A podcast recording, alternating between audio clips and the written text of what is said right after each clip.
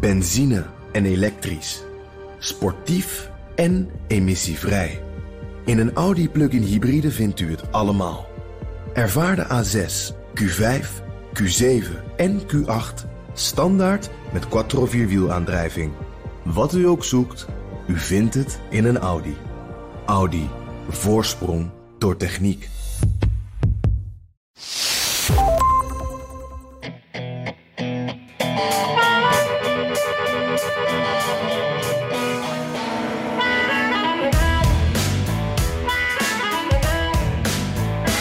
Niet alleen in Washington, maar net zozeer in Moskou, Kiev, Seoul, Jeruzalem en eigenlijk in zo'n beetje elke hoofdstad in de wereld sloeg het in als een bom. Geheime strategische en militaire documenten, beetje knullig gefotografeerd op het Pentagon en op een of andere manier online gezet.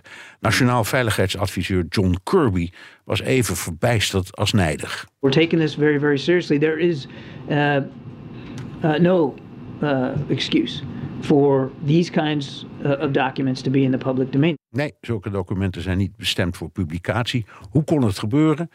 En er is meer sappig nieuws, zoals het gevecht tussen de aanklager in de zwijgeldzaak van Trump en het Trumpistische congreslid dat hem in mootjes wil hakken. Dit is aflevering 175 van de Amerika-podcast. Mijn naam is Bernard Hammelburg. Met een beker koffie in de studio onder het wakend oog van Jury. En ik ben uh, Jan Posma, extra ver weg deze keer aan de westkust. Uh, waar het ook nog ietsje vroeger is. Het is hier 7 uur s ochtends, dus ik heb ook vers dampende koffie voor me. Maar Bernard, het is wel zo'n kop koffie wat, wat uit zo'n uh, apparaatje van je hotelkamer komt. komt weet je wel, uit zo'n zakje met koffie. Dus de smaak houdt wat te wensen over, zullen oh, we maar zeggen. Oh, jee. Dus nu moeten we zien dat we je met grappen en grollen wakker houden. Hè? Anders dat gaat mis. Ja, precies. Ja, ja, ik heb het nodig. Mogen wij, nodig. mag, mag onze luisteraar stiekem, want we zijn onder elkaar, weten in welke gemeente je je bevindt? Ja, precies. We kunnen in beperkte kring van, van onze vrienden van luisteraars dat wel delen, denk ik. Ik ben nu uh, in uh, Silicon Valley eigenlijk. Ja. Um, en uh, daar ben ik een verhaal aan het maken over ja, eigenlijk hoe het er nu voor staat met Silicon Valley en, en de, de bedrijven hier, de start-ups ook die allemaal hier werken. want we hebben natuurlijk de laatste tijd wel wat slecht nieuws gehad hè, met die Silicon Valley Bank die is omgevallen. we horen veel over ontslagen. nou, er is ook nog in San Francisco wel wat uh, criminaliteit. Uh, recentelijk is een, uh, een bekende tech-baas is daar doodgeschoten ook. Dus het, er is echt wel wat te vertellen. Het zijn echt woelige tijden. Hm. en ondertussen hangt daar ook zo een beetje boven iets waar iedereen hier helemaal vol van is. En dat is AI. En uh, ik merk daar heel veel energie en heel veel buzz over van uh, nou, wat dat gaat brengen en wat dat voor Silicon Valley betekent, maar ook voor ons allemaal. Want uh, ja, Bernard, dan zijn wij straks niet meer nodig. Dan kunnen ze gewoon AI inzetten en ja, dan hoeven we alleen te luisteren naar onze eigen podcast. Nou, Zo komt, gaat dat straks. Dat komt dan vanzelf voor elkaar. Ja. En, en wanneer komt het in Ja, de precies, ik, nee, wanneer komt het in de Telegraaf? Uh, ja, dat is een goeie. Dat weet ik nog niet helemaal. Ik denk dat het ergens volgend weekend of in ieder geval uh, volgende week wordt. Dus Ja. uh, nog even in de gaten houden. Maar ja, het is altijd mooi om hier te zijn, Bernard. Ja. We hadden het al eens eerder over. Californië altijd heel fijn. Heer- niet alleen heer- vanwege het weer. Heerlijke staat om te zijn. Jan, wat, wat viel jou in het, in het nieuws het meest op de afgelopen tijd? Ja. Nou, het was een hele rare nieuwsweek, hè, waarin een heleboel eh, dingen gebeurden. Jij noemde er al een paar net eh, in de intro. En er was iets waar ik echt met een beetje leedvermaak ook naar heb gekeken. Eh, het was echt een politieke klucht. Dat was in Tennessee, Ehm, het lokale huis van afgevaardigden. Dat heeft een republikeinse meerderheid. Dus die kunnen eigenlijk eh, zelf een beetje bepalen wat ze doen. En democraten, ja, die moeten daar dan maar een beetje in, in meegaan. En die hebben, eh, ze wilden eerst drie democraten daar eruit gooien, schorsen. Eh, het werden er uiteindelijk twee. Ehm, en dat zorgde voor heel veel onrust daar. Eh, dat gaat, draait allemaal rond eh, eh, wapenwetten daar. Ehm, en en, en nou ja, daar, wordt heel veel geprotesteerd, ook bij dat congres, lokale state capital. En dus het was echt een hele, ja, de, de, de, sfeer was echt heel gespannen daar. Er stonden allemaal mensen in de, in de hal te protesteren. En ondertussen deze mensen die er dus uit werden gegooid. Ehm, En dat was omdat ze uiteindelijk de regels hadden overtreden van uh, dat State Capitol. Ze hadden daar uh, onder andere met zo'n grote megafoon uh, gestaan. Dat mag niet op de vloer. ze hadden ook een beetje gebaren gemaakt naar de publieke tribune. en nou, daar zeiden die republikeinen van daarmee hitsen jullie het eigenlijk op. En, en, dat mag ook niet, dus ook tegen de wet. En nou, ik geloof dat het twee keer in de geschiedenis eerder was voorgekomen... dat mensen op deze manier eruit waren gezet. En dat was echt vanwege nou, fraude hele ernstige vergrijpen. Uh, maar niet voor zoiets als dit. Dus dat maakte heel veel los, ook buiten Tennessee. Want nou ja, ook de democratie die hiermee eigenlijk op deze manier een beetje de das om wordt gedaan, kan je wel zeggen. Maar waar ik nou moest lachen. Uh, een van de uh, lokale gemeenteraden, zeg maar, lokale besturen, uh, die hebben eventjes in de regels gekeken en die hebben gezien van wacht eventjes, die ene democraat die eruit is, onze democraat die er is uitgezet, daar mogen wij ook een interim vervanger voor aanwijzen. En wie wijzen we aan? Dezelfde persoon. Ja. dus die dus man die was binnen een paar dagen. Zat hij weer in zijn eigen zetel? Ja, we, ja. Ja, werd hij weer, uh, moest hij de eet uh, zweren en, en toen zat hij er weer. Dat vond ik wel heel grappig om te zien. Want dat is echt zo'n dingetje dat je echt weet dat iemand daar die boeken heeft zitten napluizen. En dacht, wacht eens eventjes. We doen het gewoon zo en we gaan er gewoon tegen in. En ondertussen, die republikeinen, die krijgen het wel echt, uh, die krijgen daar veel kritiek op. Veel negatieve aandacht. Dus ik weet niet of die het nog steeds zo'n goed idee vonden om die twee eruit te zetten. Het is natuurlijk ook bizar om twee parlementsleden uit het parlement te gooien. Dan, ja, er zijn natuurlijk er zijn waarschijnlijk wel tien stappen die je kan zetten. En zij kiezen gelijk voor de aller, allerzwaarste. Ja. En ja, dan, dan, eh, dan kan je niks meer, ja. toch? Maar goed, de inzet, de inzet was wapens. Hè? Daar, daar, daar, ging het. Ja, precies. Ja. ja en deze mensen die wilden een wat strengere wapenwet of zo, zoiets. Ja, want we hebben natuurlijk weer net een schietpartij gehad ook. Uh, ja, deze tekst die spreken we ook. Uh, die kunnen we bijna elke week uh, kunnen we die uitspreken. Ze zijn da er dagelijks, maar we horen er maar af en toe over. maar ja, daar, daar was het dus weer ja, de gemoederen die hoog opliepen. ja, tot de volgende zeggen we dan een beetje. Ja, precies. Wat is jouw eh, verhaal van de week, eh, Bernard? Ja, een, een verhaal. Um, uh, ik heb het je gemaild, dus je, je, je hebt het hopelijk inmiddels uh, ook gezien. Ik heb het drie keer gelezen, Jan. Ja. En ik kan het nog steeds maar niet goed geloven. In Florida bestaat een wet die het mogelijk maakt dat je ongewenste baby's afgeeft bij de brandweer of bij een ziekenhuis. In feite is dat wat je vroeger zou zeggen te vondeling leggen, maar dat, dat kan dan op die manier. Maar daar komt nu een optie bij en dat is een zogenaamde babybox. En wat is nou een babybox? Dat is een soort grote brievenbus in de muur. Of een vuilcontainer. Of een, ja, een, een, een geldflappetap, uh, zal ik maar zeggen. Zo'n zo beetje een ding dat... Ja, ja zo'n pinautomaat. Zo'n pinautomaat, ja. Uh, en uh, dat kun je openmaken van buiten. Er zit een wiegje in. En daar kun je dan die baby in doen. Dan kun je hem dichtklappen. En dan eh, ligt dat babytje dus in een wiegje met airconditioning, zeggen ze erbij. En, en dat luik, dat sluit dan automatisch, onmiddellijk. Dus je kunt je niet meer bedenken, denken, oh jee, wat heb ik nou gedaan? Um, en dan gaat aan de binnenzijde een alarm af en dan, ja, dan wordt die baby dan aan de binnenkant daar uitgehaald. En die dingen heten Safe Haven Baby Boxes. Uh, en er zijn, al negen staten, er zijn al negen staten die dit systeem gebruiken. Um, en ja, het, uh, ik, het zal aan mij liggen, Jan, maar ik vind dit misselijkmakend. Ik vind het zoiets krankzinnigs dat je een baby in een soort vuilniscontainer duwt, al, al is die voorzien van airconditioning. En, en het heeft natuurlijk allemaal te maken met de anti-abortusbeweging. Want je, je, je ziet niet af van de geboorte. Je gooit een baby liever weg. Dat gevoel krijg je in een, ja. in een airconditioned gleuf in de muur. Zoiets. Ja, en ik vind ook die, die naam die je erbij noemt, dat is natuurlijk weer ja, ook een soort slimme marketing. Wat we heel veel zien in die, die abortusbeweging. Hè. De pro-life beweging heet het dan. Uh, in plaats van uh, de anti-abortusbeweging. En, en steeds dat soort termen die het allemaal een beetje zo ja, met de mantel der liefde bedekken. En dat vind ik bij Safe Haven Babybox ook wel. Dan klinkt het ineens als ja, in veiligheid en wat fijn. En... Waar haal je het vandaan? Ja. Het is echt, uh, ja, ik vind het te bizar van woorden. Het verhaal stond op Associated Press. Um, en dat is uh, een van de bronnen die ik uh, vertrouw in het algemeen. Die zijn heel accuraat. Mm -hmm. Dus ik neem aan dat het klopt. En dat, die hebben ook onderzoek gedaan in een heleboel andere staten die dat ook hebben. Maar hoe dan ook, ehm, ehm, ehm, ja, eh, er is veel te doen over abortus. was ook weer die, die, die, die toestand over een, eh, het, het verbieden van een abortuspil. Ook door, Mhm. door een rechter. Ja. En eh, nou, dat is dan herroepen. En bovendien, het bleek maar te, gaan over één merk abortuspil. En een ander merk kon je nog wel gewoon kopen. Maar dat is, als ik het goed begrijp, teruggedraaid. Hè, dat, eh, dat, eh, dat vonnis. Ja, daar ging een andere rechter dan weer overheen. En eh, ja, het is ook ehm, een soort gerechtelijke brei wordt het. Hè? Want het, constant worden dingen aangevochten en dan, dan lopen de verschillende zaken tegelijk. Het is echt eh, best wel ingewikkeld om... eh, ja, om, om daar, als we, wij volgen het dan nog op de voet. Maar als jij gewoon ergens eh, eh, op het platteland van Alabama woont, bij wijze van spreken, of op een andere plek waar dit speelt, ja, je kan dit ook niet elke dag bijhouden. Nee. Die, die regels die veranderen dan Het- zo het- weer. Bizar. En het, Ja.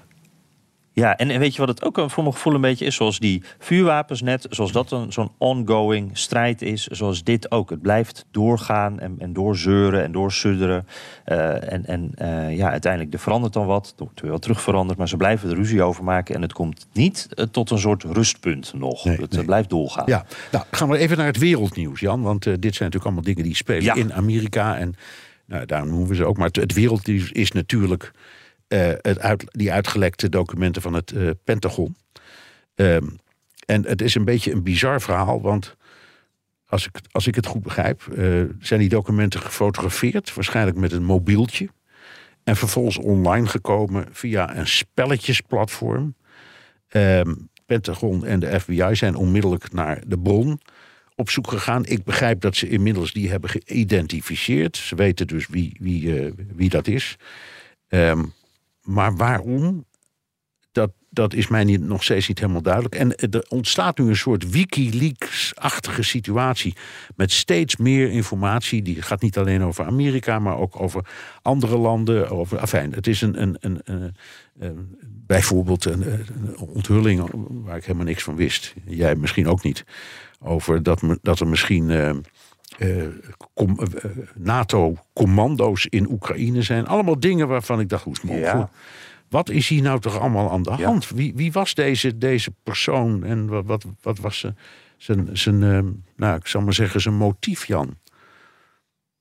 Ja, dat, daar had eh, de Washington Post een heel mooi artikel over. Die zijn daar echt ingedoken. Die, die hebben allerlei vrienden van deze man, het is een man, eh, gezocht eh, op Discord. Dat is de, dat on- zo'n online gaming community waar jij het over had. Waar mensen eh, samenkomen om onder andere over games te praten. Maar eigenlijk is dat ook, en op de gamen zelf, maar het is ook een soort plek, ja, een sociale ontmoetingsplek waar je over van alles praat. En in dit groepje, er zaten iets van 20, 25 eh, mensen in, voornamelijk mannen, jongere mannen, zeg maar, jongens die elkaar vinden dan met die spelletjes, maar ook bijvoorbeeld op het gebied van wapens. Deze persoon was een, eh, een wapenenthousiast. Er zijn ook wat, wat filmpjes van hem waarop hij eh, op dingen schiet en eh, nou ja, wat dingen richting een camera roept. Het ging over militaire zaken en ook bijvoorbeeld over het geloof. Het zijn, zijn vrij gelovige types die in dit kleine groepje. Het is een klein ja, digitaal vriendengroepje. En de Washington Post beschrijft dan hoe deze man, en, zijn bijnaam was OG, zo heette die op dat platform, eerst die geheime documenten overtikte. En eh, hij, hij werkt trouwens eh, op een militaire basis, dat weten we. En hij eh, tikte dan die documenten over. En die deelde hij dan met zijn vrienden. omdat hij vond dat zij moesten weten hoe de wereld werkt. En hoe, wat de rol van Amerika daar ook in is. Zijn vrienden zeggen dus van hij deed, deed dit niet om een soort. hij heeft niet het idee gehad om het naar iedereen te delen. Maar hij wilde het met ons delen, was, was het verhaal. En ehm, nou ja, op een bepaald moment kostte dat wat te veel moeite, dat tikken. Dus toen heeft hij die foto's is hij gaan maken. Eh, en, en dat zijn de foto's waar we zoveel over horen. Die heeft hij ook met dit groepje gedeeld. En eh, nou ja, als je dan die leden van die groep ho- hoort... ja, dan, dan klinkt het als een wat... Ik, noem maar even een wat zielige militair... die het gevoel had dat hij ja, dus zijn online vrienden moest helpen. Hij vond ze maar naïef. Hij vond, eh, ik weet hier meer van. En daarbij ja, had hij volgens mij ook wel het gevoel van... ik maak mezelf belangrijk door dit te delen. Want moet je zien wat voor moderne Jason Bourne of James Bond ik nou ben. Eh, ik kan jullie wel even vertellen hoe de wereld in elkaar zit. En nou, ook wel een saillant detail daarbij. Dat groepje dat bestond voor ongeveer de helft uit buitenlandse leden. eh, voor zover eh, je dat op basis van nou, de, de- die leden de- die ze gesproken hebben kunt beoordelen. Waaronder ook Oekraïners zaten waarschijnlijk, die natuurlijk bijzonder geïnteresseerd waren in hoe het er met hun eigen land Ja, voor sta- staat. Eh, maar uiteindelijk weten we natuurlijk gewoon helemaal niet eh, precies waar die mensen vandaan komen. Daar kunnen dus ook best Russen of nou, alles kan daartussen hebben gezeten. Eh, en ehm, ja, tot gisteren in ieder geval hadden die geïnterviewden ook nog contact met deze lekker. En, en die wisten ook waar die zat. En die zeiden ook van ja, als je op die foto's kijkt, sommige van die foto's die zijn bij hem op zijn bed gemaakt. Dus je kon dan zien dat het bij hem thuis was. Dat herkenden zij uit de, de, de filmpjes. Dus een bizar verhaal inderdaad wat je zegt. En ook een beetje, het, komt op mij nu over als een beetje een zielig verhaal. Want dit is niet een Snowden of reality winner of, of, of een Assange-achtige achtig typetje. Als je het in ieder geval zo hoort van de vrienden om hem heen. Dit is iemand, ja, het klinkt eigenlijk als iemand die een beetje naïef is geweest. Heel naïef is geweest. En, en ook, eh, ja, ik, ik, ik, ik, ja, ik snap het uiteindelijk nog steeds niet. Hè. Hij heeft blijkbaar toch niet kunnen overzien wat zijn daden dan teweeg zouden brengen. Nee. Nee, ik, ik, het- even een paar dingen. Het, via dit platform eh, lekt het dan naar buiten. Maar ik, ik las eh, ik, net een uurtje geleden of zoiets ergens een verhaal. dat dit soort informatie waar het over gaat. Er is, een, er is ongeveer 1 en een kwart miljoen mensen dat bij die informatie kan. Dat, dat klinkt gigantisch. Dat is natuurlijk ook veel te veel. Maar het Pentagon is de grootste werkgever ter wereld, voor zover ik weet. Dus er werden ongelooflijk veel Ja. mensen. En ja, er hebben heel veel mensen eh, toegang tot eh, de gegevens van de zaak, zal ik maar zeggen. Eh, en Ja. ja, dan, dan, ja, dan roep je het ook een beetje over jezelf af. Dus ze zullen er dan ook wel naar gaan kijken. Maar, maar eventjes concreet, Jan. Wat zijn nou de belangrijkste onthullingen? Ja, eh, nou, nou, veel over Oekraïne dus. eh, waar natuurlijk iedereen meteen heel geïnteresseerd in was. Eh, allemaal dingen die we via de gewone wegen niet horen, hoorden. En ja, jij noemde het al eventjes. misschien dat er dus... Ja, als je uit, van deze documenten uitgaat, dan zitten er dus westerse commando's in Oekraïne. En daar zit ook een Nederlander tussen. En ja, als dat zo is, dan, dan heeft de NAVO natuurlijk eh, woord gebroken. Want eh, er is altijd gezegd, er gaan geen westerse soldaten naar Oekraïne. Eh, en eh, nou, dat zou dan nu eh, wel al de situatie zijn. En eh, nou over eh, de oorlog in Oekraïne zelf, ja, dingen die we allemaal wel een beetje weten, ook wel een beetje vermoeden. Maar ja, je ziet ze dan toch in die officiële documenten terugkomen dat het echt niet goed gaat met die Oekraïners. Er is een groot gebrek aan wapens, munitie. Nou ja, de, de, de fabrieken hier in Amerika draaien op volle kracht om dat aan te vullen. Maar ja, is heel veel nodig. En eh, ook eh, gedetailleerde plannen voor, voor de verbetering van de Oekraïnse krijgsmacht. eh, de, wat de beste strategie is. Maar aan de andere kant ook dat Rusland faalt aan alle kanten. En, en dat die Wagner-groep, die groep van huurlingen, dat die de boel eigenlijk overeind houdt. Ja, ik, Bernd, als je het dan allemaal zo op een rijtje ziet. We krijgen een soort bijna real-time inkijk in die oorlog. Het, het is, eh, de, toen jij dit voor het eerst zag, wat, wat dacht jij toen? Dan kon je het meteen geloven dat Ja. het echt was? Want Ja, ik dacht ja. eerst van, nou, dit, dit, eh, nou, dit weet nee, ik niet, hoor. ik, ja, ik dacht wel dat het echt was. Alleen de, de vraag was, hoe kwam het online? In, er waren twee dingen. In de eerste plaats, de Amerikanen hebben nooit ontkend dat het verhaal wel klopt. Ze zeggen, ja, het, het is een schande Mhm. dat het online staat, maar, maar het, het klopt wel ongeveer. Wat niet klopte waren Ja. het aantal eh, doden en gewonden aan Russische en eh, eh, Oekraïnse kant. Daar is in geknoeid. Dus er zijn meer Oekraïnse slachtoffers en minder Russische slachtoffers in die gelekte documenten gekomen dan in de oorspronkelijke. Dus we dachten allemaal, nou, dan hebben de Russen erin zitten knoeien. Dat zou kunnen. Die hebben het een beetje naar zich toegeschreven. Dus dachten we toen ook, nou, dan zal het ook wel een Russisch lek zijn. En dat is inmiddels allemaal weer teruggedraaid. Wie dat nou precies, wie erin heeft zitten krassen of krabbelen, dat weten we niet. Maar het, het, het beeld, dat hadden we wel eh, eigenlijk vanaf het eh, begin. eh, dit geeft een, go- een goed beeld van hoe het gaat, hoe precair de situatie is voor Oekraïne. En eigenlijk ook voor Rusland, dat buiten die Wagner-groep om er niet goed voor staat. Maar Jan, dat is eigenlijk geen nieuws. Dat, dat zeiden ook alle deskundigen. Ja, het is raar en vreemd en misschien verontrustend dat het allemaal zo op een rijtje staat. Maar waarom maken de Amerikanen zich er nou zo druk over? Ja, omdat, omdat eh, dit ook wat zegt over waar de Amerikanen zitten in eh, het Kremlin bijvoorbeeld, waar hun bronnen zijn, waar ze hun informatie vandaan halen. En hieruit kan je dus opmaken dat ze echt uh, heel hoog tot in het Kremlin en, en, en overal zitten met hun, met hun bronnen. En daar wordt het natuurlijk wel gevaarlijk. Want als wij dit kunnen afleiden, dan kunnen ze dat in Rusland natuurlijk helemaal. Het is gewoon hele gedetailleerde kennis. En nou ja, naast dat dat het weer heel pijnlijk maakt natuurlijk, is dat ook wel, kijk, ja, geven eigenlijk indirect de Amerikanen nu ook een kijkje in hun eigen keuken. Wij weten nu ook wat meer over hoe zij dingen weten. En ja, dat, dat is natuurlijk nooit handig, dat is gevaarlijk. Ook voor de bronnen in de eerste plaats. En dan daarnaast, ja, dit is weer zo'n moment dat het ook een beetje gênant is. Hè? Want we weten dat Amerika uh, aan allerlei kanten uh, informatie uh, overal aan het wegsnoepen is. Ook bij bondgenoten.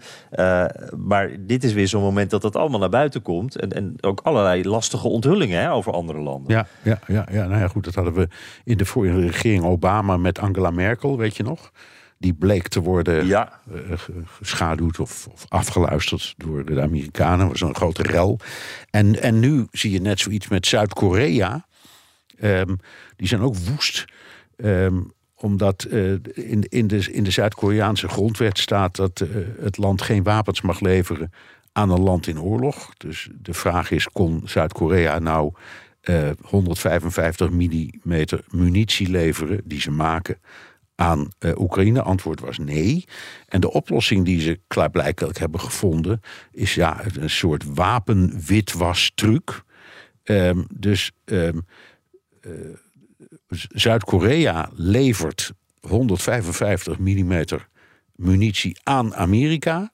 En Amerika levert dan 155 mm munitie uit eigen voorraad aan Oekraïne. Uh, nou, dat is best te begrijpen dat ze het zo hebben opgelost. Maar dat, dat wil de Zuid-Koreaanse regering dus niet online lezen. En, en er staat er bijvoorbeeld ook een, nee. er staat er ook een verhaal over uh, de Israëlische Mossad... die een rol zou hebben gespeeld bij het organiseren van de demonstraties... die op het ogenblik gaande zijn tegen de regering Netanyahu. Geen idee of dat klopt, maar dat is ook iets... wat de Israëliërs liever niet online zien staan. Dus ja, dat is, dat is vervelend. Nee. Ja. Ja, en ook pijnlijk hè, dat, dat dit laatste, dat is dan een binnenlandse aangelegenheid. En de Amerikanen gooien dit dan uh, indirect zo zomaar op straat. Dat, uh, ik kan me voorstellen dat daar heel veel ja. uh, frustratie over is. Wat, Bernard, wat denk jij? Want uiteindelijk kunnen we met z'n allen in de wereld ook niet zonder die Amerikaanse inlichtingen. we hebben ze ook nodig. Zijn hier nou gevolgen? Denk je, kunnen bepaalde landen zeggen van nou ja, wij delen maar wat minder? Of, of we gaan jullie op een andere manier hiervoor de gevolgen laten merken? Of, of ja, kunnen we allemaal niet zo? Nee, antwoord is nee. Ik denk niet dat, dat, dat andere landen er veel mee kunnen. Kijk, wat de Amerikanen via spionage doen, daar kun je sowieso weinig uh, ja, aan doen. De Russen doen dat trouwens ook. En de Chinezen ook. En de Israëliërs ook. Ik bedoel, iedereen bespioneert iedereen. Daar kun je niet zo heel veel aan veranderen, denk ik. Uh, maar zo'n situatie als met Zuid-Korea, dat is echt heel pijnlijk. Want daar hebben ze dus in overleg met de Amerikanen een truc gevonden om de, om de, om de Zuid-Koreaanse grondwet te ontduiken. Daar komt het op neer. Ja, kan Zuid-Korea ja. er iets aan doen? Nee, want die zijn echt 100% afhankelijk van Amerikaanse steun. Ongeveer in elk denkbaar, in elk geval geopolitiek of defensieopzicht. Dus uiteindelijk loopt het met een sisser af. Maar goed, het was wel. Uh, ik zeg, er waren heel veel mensen erg boos en erg opgewonden over. In de hele wereld eigenlijk. Ja, ja, ik kan me voorstellen dat jij ook wel wat eh, extra uurtjes even hiernaar besteed hebt om te kijken wat hier nou precies allemaal eh, te lezen was. Ja. Het is ook even smullen, toch? Ja, dat is ook smullen en veel lezen en ook veel kijken van wat weten we al, rondbellen met collega's. Wist jij dit? Ja, dat wist ik eigenlijk wel, alleen ik had het nog nooit zo op papier zien staan. Weet je, op die manier is het een beetje gegaan. Ja. Nou ja, um, ja. mooi verhaal. En dan, dan hebben we ja. ook nog een mooi staaltje politiek armpje drukken, Jan. Uh, en dat volgen we allebei op de voet. Dat is de strijd tussen Jim ja. Jordan, de Trumpistische voorzitter van de commissie Justitie in het Huis van Afgevaardigden. Die had Elvin Bragg gesommeerd te verschijnen voor een hoorzitting over diens vervolging van Trump in de Stormy Daniels-zaak. Ja, precies. En uh, Bragg die sloeg terug. Die was daar uh, helemaal niet blij mee. En hij heeft nu uh, Jim Jordan voor de rechter gedaagd. Om, omdat hij eist dat het Huis van Afgevaardigden zich hier niet mee bemoeit. Hè, de wetgevende macht moet zich niet bemoeien met wat, wat hij, Bragg, aan het doen is. met de vervolging eigenlijk. Um, en ja, Jordan zegt daar dan weer op, dat is flauwekul. This is ridiculous. The country understands it. And that's why we are trying to get information and answers to, to key questions uh, from uh, District Attorney Bragg. Ja, uh, spannend, want in de ogen van uh, Jordan is dat proces tegen Trump uh, één groot politiek circus. Hè. De, die die aanklacht die slaat helemaal nergens op. Ze doen het alleen maar om, om Trump kalt te stellen eigenlijk voor de komende verkiezingen. En ze zijn sowieso altijd al op Trump uit. Nou ja, al die dingen die Trump zelf ook altijd roept, dat vindt deze Jim Jordan ook altijd. Hij zit altijd met zijn opgestroopte mouwen zonder jasje in zijn overhemd. loopt hij daar altijd rond in het congres. Daar kennen we hem een beetje zo van. En ja, hij ziet die democratische aanklager, want Bragg is natuurlijk een democrat, die, die ziet hij eigenlijk als de grote spreekstalmeester van dat circus. Ja, maar ja, dat, is, dat is ook best te begrijpen. Eh, er zijn meer mensen die dat denken, zo'n uitgesproken democraat. Aan de andere kant, de rechtbank eh, in staten en steden, die worden e-, nu eenmaal gekozen. Uh, er is geen ander systeem. Mm dus uh, Bragg heeft ook een punt. Want de rechtbank moet onafhankelijk kunnen functioneren. Hij is gekozen in New York. En daar moet hij gewoon onafhankelijk kunnen functioneren. En als, als hij ter verantwoording zou worden geroepen. Ja, dan kan dat alleen door zijn eigen kiezers. Dus dat zou zijn op lokaal niveau. Bijvoorbeeld als die opgaat voor herverkiezing, dan kunnen ze hem straffen door te zeggen: Wij vinden je niet goed. Of ze kunnen hem herkiezen, herverkiezen omdat ze zeggen: Je doet het goed. Uh, maar het federale huis van afgevaardigden, waar uh, uh, Jordan in zit, ja, hij redeneert. Uh, daar heb je niks mee te maken. Jullie hebben er niks mee te maken. Dat is gewoon een, kwestie van de staat en de stad New York. Dat is hem. Mm. Ja, ja. En, en ik moet zeggen, het is wel interessant hoor, want beide kanten die uh, verwijten elkaar er dus van dat ze het systeem misbruiken. Want die Bragg zegt van ja, dit is een lopende zaak. Uh, hier moet de politiek zich natuurlijk niet mee bemoeien. Nou, daar kan ik me wel wat uh, bij voorstellen. Maar die Jordan die zegt als dit is justitie dat eigenlijk de politiek erbij haalt. Dus die zegt precies het tegenovergestelde. Ze vinden allebei dat ze een politiek spelletje aan het spelen zijn. En uh, ja, uiteindelijk wordt dat dus, komt dat dan toch weer bij een, een rechter uit. Die moet er dan weer over gaan oordelen. En het wordt ook een soort brei van rechtszaken, vind je niet? Allemaal dingen die zo over elkaar, uh, onder elkaar, door elkaar spelen. Uh, bijna niet meer te volgen. Nee, nee. En, dan, en dan hebben we het alleen nog maar over de zaak uh, van uh, het zwijgeld. Hè? Want daar gaat dit allemaal over. Bragg heeft alleen voert een proces tegen Trump over uh, het zwijgeld dat betaald is aan Stormy Daniels en nog een andere vrouw. Maar niet over de andere hmm. kwesties. Nee, precies. Je bedoelt dan 6 januari en al die andere onderzoeken ja. ja. die spelen. Ja, ja, ja. ja. Ja, precies. Want daar was deze week ook nog wel wat uh, speelde daar. Hè? Um, ik, ik vond zelf wel een heel interessant uh, berichtje dat dat onderzoek naar 6 januari naar de, van, van Jack Smith dus, hè, de, de, de algemeen of de, de onafhankelijke onderzoeker, um, die is nu toch wat breder aan het zoeken dan dat we tot nu toe wisten. En wel op een heel interessant punt. Want dat gaat namelijk over de beweringen van Trump en zijn team dat er fraude zou zijn gepleegd tijdens de laatste verkiezingen. Daar hebben ze heel veel geld mee binnengehaald. volgens de Washington Post, die had dit verhaal, wel 200 miljoen dollar. Dus dat zijn al die mailtjes en al die keren dat Trump zei van er is fraude gepleegd, donat, geef een donatie aan mij, dan kunnen we er wat tegen doen. in de periode zo, zo nou, vlak voor de verkiezingen uh, tot uh, na 6 januari uh, zo'n beetje. Um, 200 miljoen dollar, echt heel veel geld natuurlijk. En daarvan uh, ja, wordt nu gezegd dus dat Smit nu laat onderzoeken... Uh, wat werd daar intern over gezegd? Heeft, uh, hebben die teamleden van Trump hebben die tegen elkaar wel toegegeven... dat het inderdaad geen fraude was en dat ze het eigenlijk niet konden bewijzen. En die, die willen ze dan leggen tegenover de e-mailtjes die dan gestuurd zijn ja, naar donateurs. Ja, dan zouden ze onder, de rijkere mensen. Als, onder valse voorwendsels geld hebben binnengehaald. Daar komt het op neer. Ja, precies. En dat, wordt, dat zou dan een, een fraudevorm zijn. En nou, ik, ik vind hem wel heel interessant. Want ik, net als we nu uh, die, die zaak tegen Fox News zien, hè, met, met die, die Dominion-zaak over ja, die stemmachines. Die, kiesmachines. Ja. Ja, precies. Eh, daar krijgen we ook allerlei informatie naar hoe dat intern is gegaan. En hoe bepaalde Fox-sterren uh, eigenlijk helemaal niet zo erin geloofden. En, en uh, on-air toch heel andere dingen zeiden. Ik ben heel benieuwd of we nu voor het Trump-team eenzelfde soort uh, overzichtje gaan krijgen. Dat, nou, bij wijze van spreken, Rudy Giuliani intern het helemaal niet geloofde. en naar buiten toe het juist ja. wel vol bleef houden dat de fraude was gepleegd. Ja. Heel spannend vind ik dat. Ja, en dan, en dan nog even, nou ja, laatste nieuws in de, in de litanie die, van de rechtszaken. Michael Cohen, dat was die advocaat die in de gevangenis heeft gezeten, maar die beroemd is geworden omdat hij dat zwijgeld was, had uitbetaald. Hè? Daar kwam het op neer. Die, die, wordt, die wordt nu door Trump aangeklaagd voor 500 miljoen dollar. Wat is hier, wat is het argument? Of wat is, wat is de zaak? Wat houdt hij in? Ja, nou, en dat is. Uh, hier zitten zoveel Trumpiaanse kantjes aan, Bernard. Alleen dat bedrag al, hè, een half miljard. Dat uh, gebeurt niet elke dag, zullen we maar zeggen. Dat is echt typisch Trump natuurlijk. Om het zo groot te maken, hij weet dat, dan moet dat wel in de headlines komen. En wat ik ook wel heel Trumpiaans vind, ze houden het heel vaag wat nou eigenlijk de reden is om hem aan te klagen. Ze zeggen van hij heeft die, eigenlijk de, de, de vertrouwensband geschonden, die, die een advocaat met zijn cliënt heeft. Want, want Trump die was natuurlijk cliënt van Michael Cohen, uh, door uh, zo openlijk over alles te praten.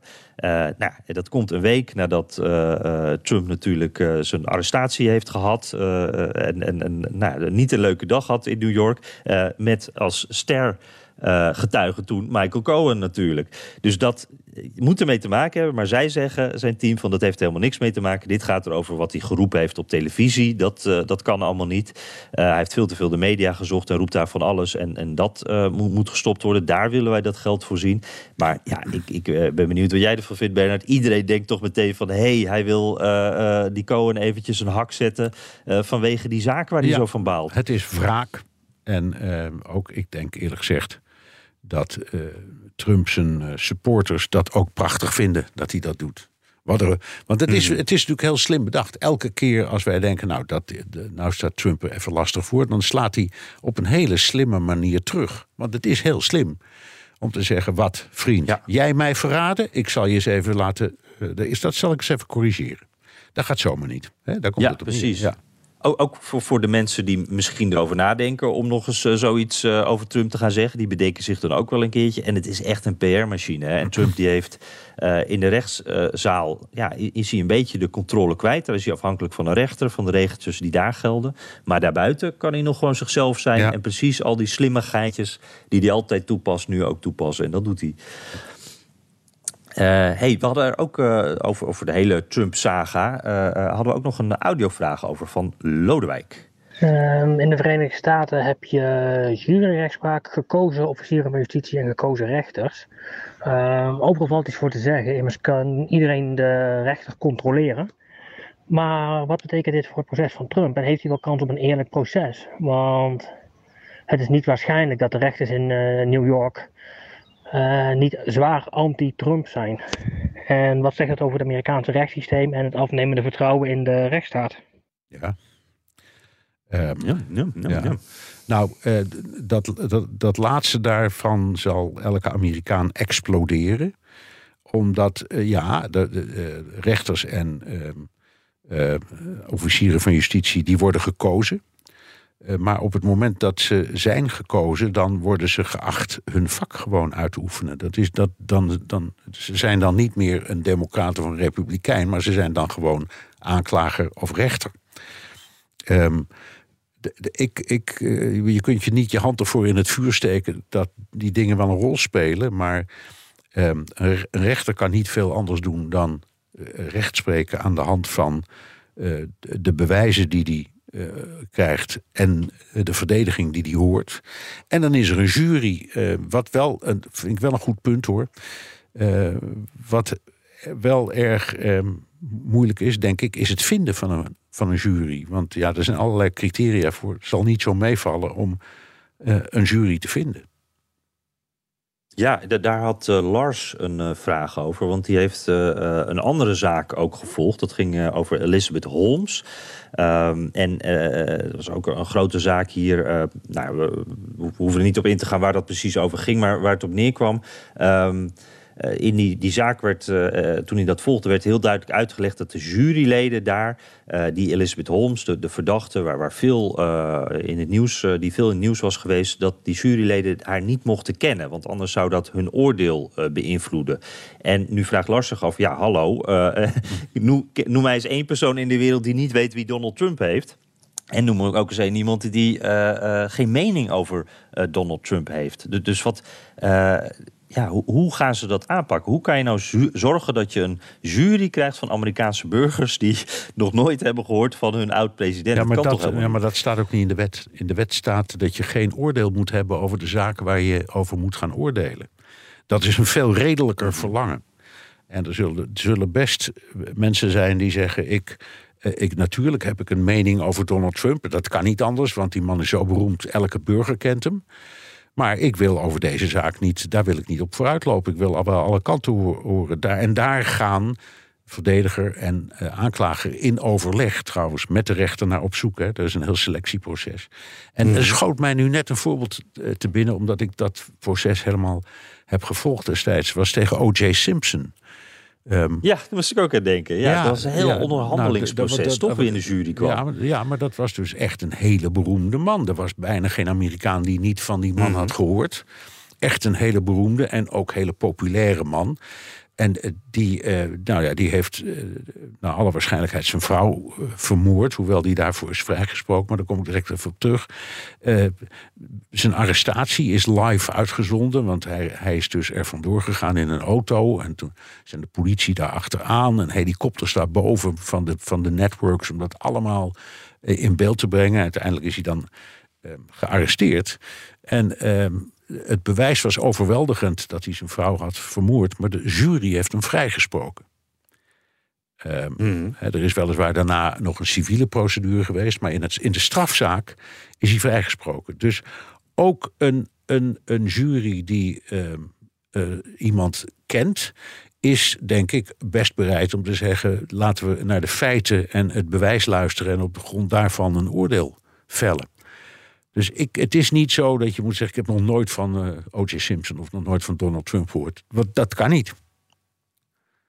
Nee, maar, maar O.J. Simpson is op dat punt een heel goed voorbeeld. Want dat was inderdaad ook iets waar iedereen een mening over had. Iedereen had het erover bij de kapper of waar dan ook. Het, het ging allemaal. Uh, iedereen kende ook heel veel details uit die zaak al. Nou, het is ook, het is ook live uit. Het was de eerste rechtszaak die helemaal live op televisie is uitgezonden. Dat was ook wat hoor. Ja. ja wat was het ook weer? If the glove doesn't fit, you must acquit. Dat was die, die bekende, dat bekende made for TV moment. Dat ja, hij uh, zijn handscho leren handschoenen even moest passen. Ja, ja precies. Ja. goed, maar daar is, er zijn ook maar, kijk, uh, allerlei tests. Is dat, is een verhaal op zichzelf. Er zijn ontzettende stommiteiten begaan door de aanklager. Um, en, en, mm -hmm. en, en de jury heeft als opdracht in een strafzaak om um, een vonnis te vellen op basis van absolute overtuiging dat dat vonnis juist is. Of dat, of dat de daad is gepleegd. En als je maar een greintje twijfelt, dan moet je onschuldig zeggen. Dat schrijft de wet voor. Dat geldt dus net zozeer voor Donald Trump in die uh, kwestie met uh, die Bragg nu tegen hem heeft aangespannen. Als uh, Bragg niet 100% kan bewijzen dat Trump zelf uh, dat allemaal heeft bedacht en uitgevoerd, hè, die, die, uh, die, dat zwijggeld, mm dan kan de jury niet anders dan hem vrijspreken. Mm -hmm. En dat wordt heel moeilijk natuurlijk. Maar uh, om nog even terug te komen op, op Lars en Lodewijk. Um, bij dat eh, O.J. Simpson voorbeeld ook. Hè, dat, dat is dus ook, ook een mediacircus was dat. Uh, nog wel groter, denk ik, dan wat het tot nu toe bij Trump is geweest. Maar in ieder geval, iedereen weet er dus van. En dan moet je een jury zien te vinden die daar best wel wat over mag weten. Maar eigenlijk niet bevooroordeeld mag zijn. En daar uh, zit toch wel een punt dat alleen al in een stad als New York, waar zoveel democraten wonen, uh, waar mensen sowieso uitgesproken meningen hebben trouwens, maar ook in, in een, uh, breder in heel Amerika heeft iedereen wel een mening over Donald Trump. Dat, dat wordt toch wel heel lastig om deze zaak op zichzelf te zien. En ja. dan ook nog met dat enorme mediacircus ja. eromheen wat we gaan krijgen. Dan staat het systeem wel onder druk. Helemaal mee eens. Maar goed, dit is het systeem dat ze hebben. Ze hebben er zelf voor gekozen. Elke Amerikaan verdedigt het systeem tot zijn laatste druppel bloed. Dus het is wat het is. Ja, ja, ja, ja, ja precies. En daar, daarover nog, nog als laatste eventjes. Eh, toen uh, daar, eh, op dat plein uh, voor dat gerechtsgebouw... ook veel met republikeinen gesproken daar. Of Trump-supporters moet ik eigenlijk zeggen, dat waren het meer. En die, dan vroeg ik ze ook dus van... ja, maar die, die Bragg die is ook gekozen. Hè? Dit, dit is ook hoe jullie systeem werkt. Moet dat systeem dan anders? Dan is het van nee, het systeem moet niet anders. Maar die Bragg die maakt misbruik van het systeem. Zo zien ze dat. Ja. normaal gesproken werkt het. Maar nou ja, een hele Trumpiaanse gedachte natuurlijk. Zij zeggen dan... maar die democraten maken er misbruik van. Dat is het probleem. Want de kiezer heeft altijd gelijk. Maar deze Bragg, die is in zijn eentje als democraat de boel aan het kapotmaken. Dat, is, uh, dat is dan hun gedachte erbij. Nou, oké. hey, uh, we blijven dit natuurlijk uh, volgen, Bernard. Ja, reken maar, want hier is het laatste woord nog niet over gezegd. Nee, het wordt een spannende rechtszaak en gaat heel lang duren. Oké, Jan, we gaan zo verder. Eerst onderbreken we de Amerika-podcast even voor een mededeling. Benzine en elektrisch. Sportief en emissievrij. In een Audi plug-in hybride vindt u het allemaal. Ervaar de A6, Q5, Q7 en Q8 standaard met quattro vierwielaandrijving. Wat u ook zoekt, u vindt het in een Audi. Audi. Voorsprong door techniek. Jan, gaan we naar de luisteraars vragen. Die zijn welkom via de mail of via de Amerika Podcast WhatsApp. Dan kun je je vraag of opmerking ook inspreken. Het nummer is 06 28 13 Ja, en laten we meteen beginnen met een mooie actuele audiovraag van Xante Scheentjes uit Dublin. Dag Jan, dag Bernard. Dit is Xante vanuit Dublin in Ierland. Waar we deze week dus bezoek krijgen van president Joe Biden. Uh, in Ierland, dat snel vrij progressief werd en net als de UK een premier heeft met een Indiase achtergrond. Bovendien hier in Ierland openlijk gay. Wordt Biden vooral als Amerikaans gezien. Kunnen jullie wat meer vertellen over het ontstaan van de Iers-Amerikaanse cultuur en hoe dat nu nog doorspeelt in de Amerikaanse politiek? Oh jawel, dat kunnen wij. Hè? uh, ja, zeker. Ja, nou, ja. om te beginnen. En anders Joe Biden zelf wel, hè? Zeker. Want die heeft het er altijd over. Die heeft het er altijd over. Maar ik, ik heb er net een kolompje over geschreven. Dus ik heb het allemaal nog eens op een rijtje gezet. Ah, ja. Um, er zijn uh, iets van 5 miljoen Ieren in Ierland. En er zijn uh, iets van 34 miljoen Amerikanen die zichzelf Iers noemen. Waaronder Joe Biden. Um, in het geval van Joe Biden gaat het over, het over zijn bedovergrootvader. Uh, om een idee te geven.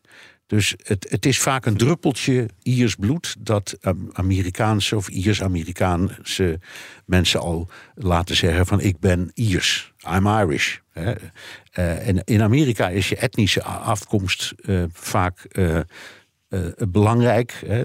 Dus je hoort ook mensen zeggen ja, ik, I'm, I'm Italian.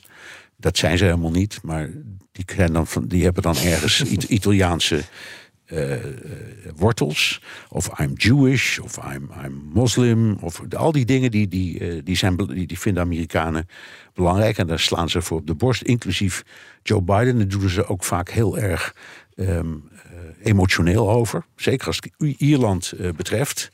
En dat is eigenlijk, als je kijkt in de recente geschiedenis... Reagan, zijn overgrootvader geloof ik, kwam uit Ierland. Die noemde zichzelf Iers... Ehm, de beide Bushen, uh, Clinton, die hadden ook allemaal ergens een, heel ver een familielid dat ooit uit Ierland was gekomen, noemde zich Iers.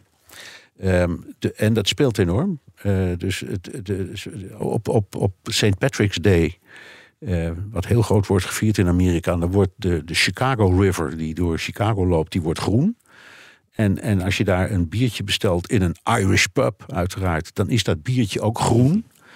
Eh, dus het leeft enorm. En er zit een. een, eh, een ja, het is, het, is, het is gewoon een. Het is mythologie. Je kunt het niet anders uitleggen. Dus het is, ja. En het is ook wonderlijk, want Ierland ja, is neutraal. Het was ook in de Tweede Wereldoorlog neutraal. Is geen lid van de NAVO. Dus als je nou zegt, zijn dat, zijn dat nou onze echte dikke bondgenoten... zoals bijvoorbeeld de Britten of de Fransen of wij... dan is het antwoord nee, dat is het eigenlijk niet. En toch zit daar... Het is, het is, het is uh, mythologie. En het is ook trouwens niet de grootste etnische groep. Want de grootste etnische groep, dat zijn Duitse Amerikanen. Die zijn allemaal in de 16e, 17e, 18e, 19e eeuw naar Amerika zijn gekomen. Die, zijn, die, die groep is aanmerkelijk groter. Hm. Maar minder zichtbaar, denk ik. Want die Ieren, dat, dat zie je inderdaad overal terug. En, en Biden die is ook altijd daarover aan het opscheppen. Die, is altijd, uh, die citeert het liefste Ierse dichters en schrijvers. Ja. Ik hoorde deze week ook dat zijn uh, bijnaam voor de, voor de geheime dienst... dat dat Celtic is. Daar moest ik ook wel om lachen. Dus uh, zelfs daar is het doorgedrongen. Ja, ja, maar maar er is wel het, wat het, veranderd, hè, Bernard. Want ik kan, John F. Kennedy, daar moet natuurlijk ook iedereen meteen aan denken. Toen was dat nog een nadeel als je van Ierse afkomst was... En uh, hier wordt het juist uh, nu is het een voordeel. Ja, nou, ik denk dat bij John F. Kennedy vooral ging omdat dat, die was katholiek. En dat was de eerste in de geschiedenis van Amerika een katholieke ah, president. Natuurlijk, ja. En dat, dat had, dat ja, had, ja, en, en, en, dat had ook te maken met de Ierse afkomst, omdat dat veruit de meest voorkomende godsdienst is in uh, Ierland, in de Ierse Republiek, moet ik zeggen.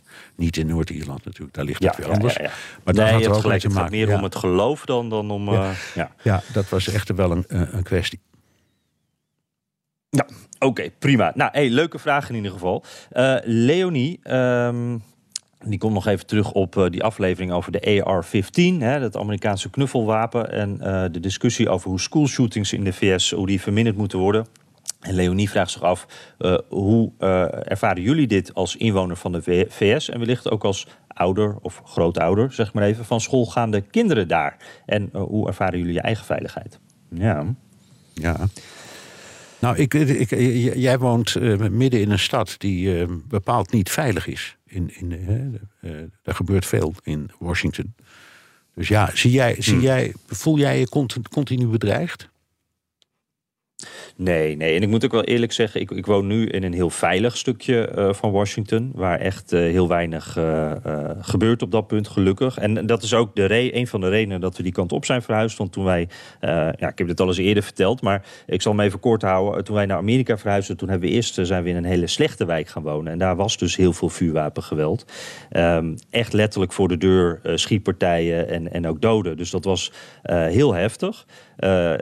Eng ook. Toen voelde ik me wel bedreigd. En uh, toevallig zat ik gisteren met, mijn, met mijn vrouw, met Barbara, te bellen. En toen, toen zei ik tegen haar van... hé, hey, die McDonald's die daar in onze oude buurt zat... daar is vanavond nog iemand doodgeschoten. En toen zeiden we dus ook allebei van... oh, jemig, dus nog steeds. Het is daar nog steeds zo slecht. Ja. En nou, wat vreselijk. En ook wat blij dat wij daar niet meer wonen. Um, daar was het heel heftig. Maar ja, je loopt even één straat steek je over... en je komt in een heel andere buurt. En daar, daar merk je er niks van. En dat gevoel, ik weet niet hoe jij dat hebt... heb ik er ook een beetje bij. Uh, in het nieuws hoor je zoveel over vuurwapengeweld... Uh, maar in je dagelijks leven, ook op reis, uh, ik kom het heel weinig tegen. Ja. Dus ik voel me heel, heel zelden uh, bedreigd. Ik heb precies Jij? hetzelfde. En ik, ik woon dan in New York in een wijk, de Upper West Side. jij kent het, je, je, bent daar vele malen mm. geweest. die buurt, toen ik daar kwam wonen, was levensgevaarlijk. He, dus Columbus Avenue en Amsterdam Avenue, die vlak achter mij liggen eigenlijk, daar kon je niet komen. Dat was echt. Uh, in die tijd had je de, de, de burgeroorlog in, in Libanon. En iedereen riep: uh, Columbus Avenue is Beirut. Daar moet je niet heen. Hm. Uh, en inmiddels is dat nou, zo ongeveer het veiligste plekje van de hele stad. En, en met, met, allemaal prachtige restaurants met terrassen. Er gebeurt helemaal nooit wat. Gelukkig maar.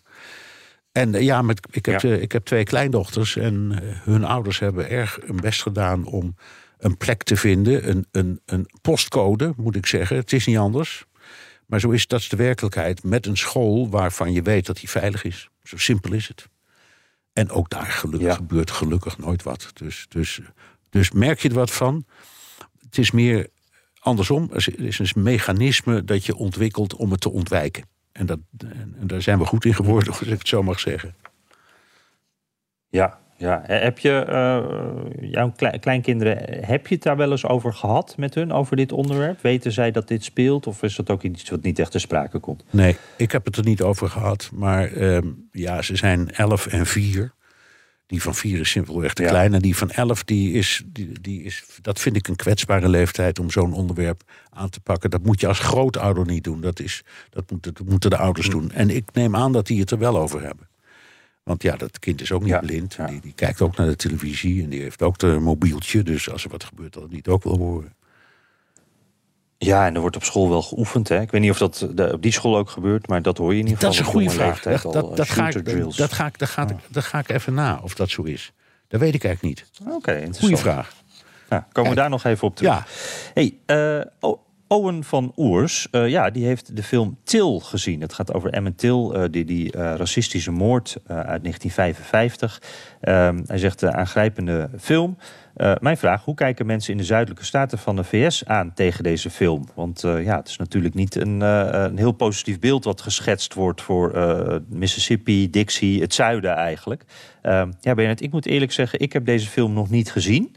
Uh, ik was hem wel van plan te kijken, maar het is er gewoon nog helemaal niet van gekomen. Er was wel wat, uh, uh, ja, wat, wat, reuring over toen hij uitkwam, maar daarna is het volgens mij een beetje stil gebleven. Ik, eigenlijk. Ik, ik heb, heb jij er wat van meegekregen? Nee, jawel, maar ik heb hem niet gezien. dus zelf, net, zelfs als jij. Hm. Alleen, ik wil hem graag zien. mijn indruk is dat in al die zuidelijke staten waar dit soort dingen spelen en hebben gespeeld, de mensen zeggen: ja, dat klopt, dat is allemaal gebeurd, maar zo zijn wij niet. Dus, hmm. dus mensen over wie het gaat vinden zelf. Ja, mensen over wie het gaat, over hun achtergrond of hun geschiedenis, vinden zelf dat het niet over hen gaat. Um, ja. die, die, zijn, die zeggen we zijn, ja, nee, we hebben wapens. En ja, en als we worden bedreigd, dan zullen we niet wijfelen of twijfelen om die te gebruiken. Ga zo maar door.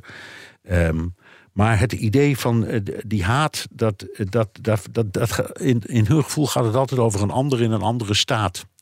Dat, dat, dat hoor ik overal. Wat, hoe kom je daar nog bij? Wij racisten, hoe kom je daar nog bij? Nee, nee, nee dit is Mississippi. De, dat, je bedoelt Alabama, dat, dat zijn racisten. Weet je, dat soort verhalen krijg je dan. Ja. Ja. Alright. Ja, ja, dat is een heel goed punt. Dat klopt. En ook vaak naar het verleden. Hè, van, oh, dat was toen. Uh, Nu gebeurt dat. Nee, dat gebeurt niet. Uh, ja, dat is voorbij. Jan, er staan uh, allemaal okay. hele aardige collega's. Ja. Joe van, Buurik, Joe van Buurik met zijn techpodcast te trappelen om de studio in te gaan. Ja, ja, ja. Dus we moeten maar weer even afsluiten, denk ik, hè? Ja. Voor deze week. Terugluisteren kan via de BNR-site, Apple Podcast en Spotify. Heb je vragen, opmerkingen, kritiek of complimenten? Dan kan dat ook met een tweet naar Jan Posma USA of BNR De Wereld of heel ouderwets met een mailtje naar dewereld.bnr.nl. En je kunt je vraag ook inspreken of intikken op de Amerika Podcast WhatsApp. Het nummer is 06 28 13 5020. Ja, en eh, zet ons altijd even ook je adres erbij. Dan krijg je die mok misschien wel toegestuurd. En uh, ja, dan spreek ik jou volgende week weer, Bernard. Ik ben okay. benieuwd wat er allemaal komt uh, aan vragen. Ik ook. Veel plezier en veel succes in Silicon Valley. Ja, dankjewel.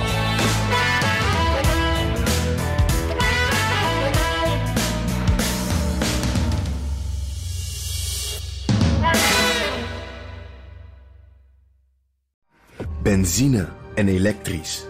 Sportief en emissievrij. In een Audi plug-in hybride vindt u het allemaal. Ervaar de A6, Q5, Q7 en Q8 standaard met quattro vierwielaandrijving. Wat u ook zoekt, u vindt het in een Audi. Audi. Voorsprong door techniek.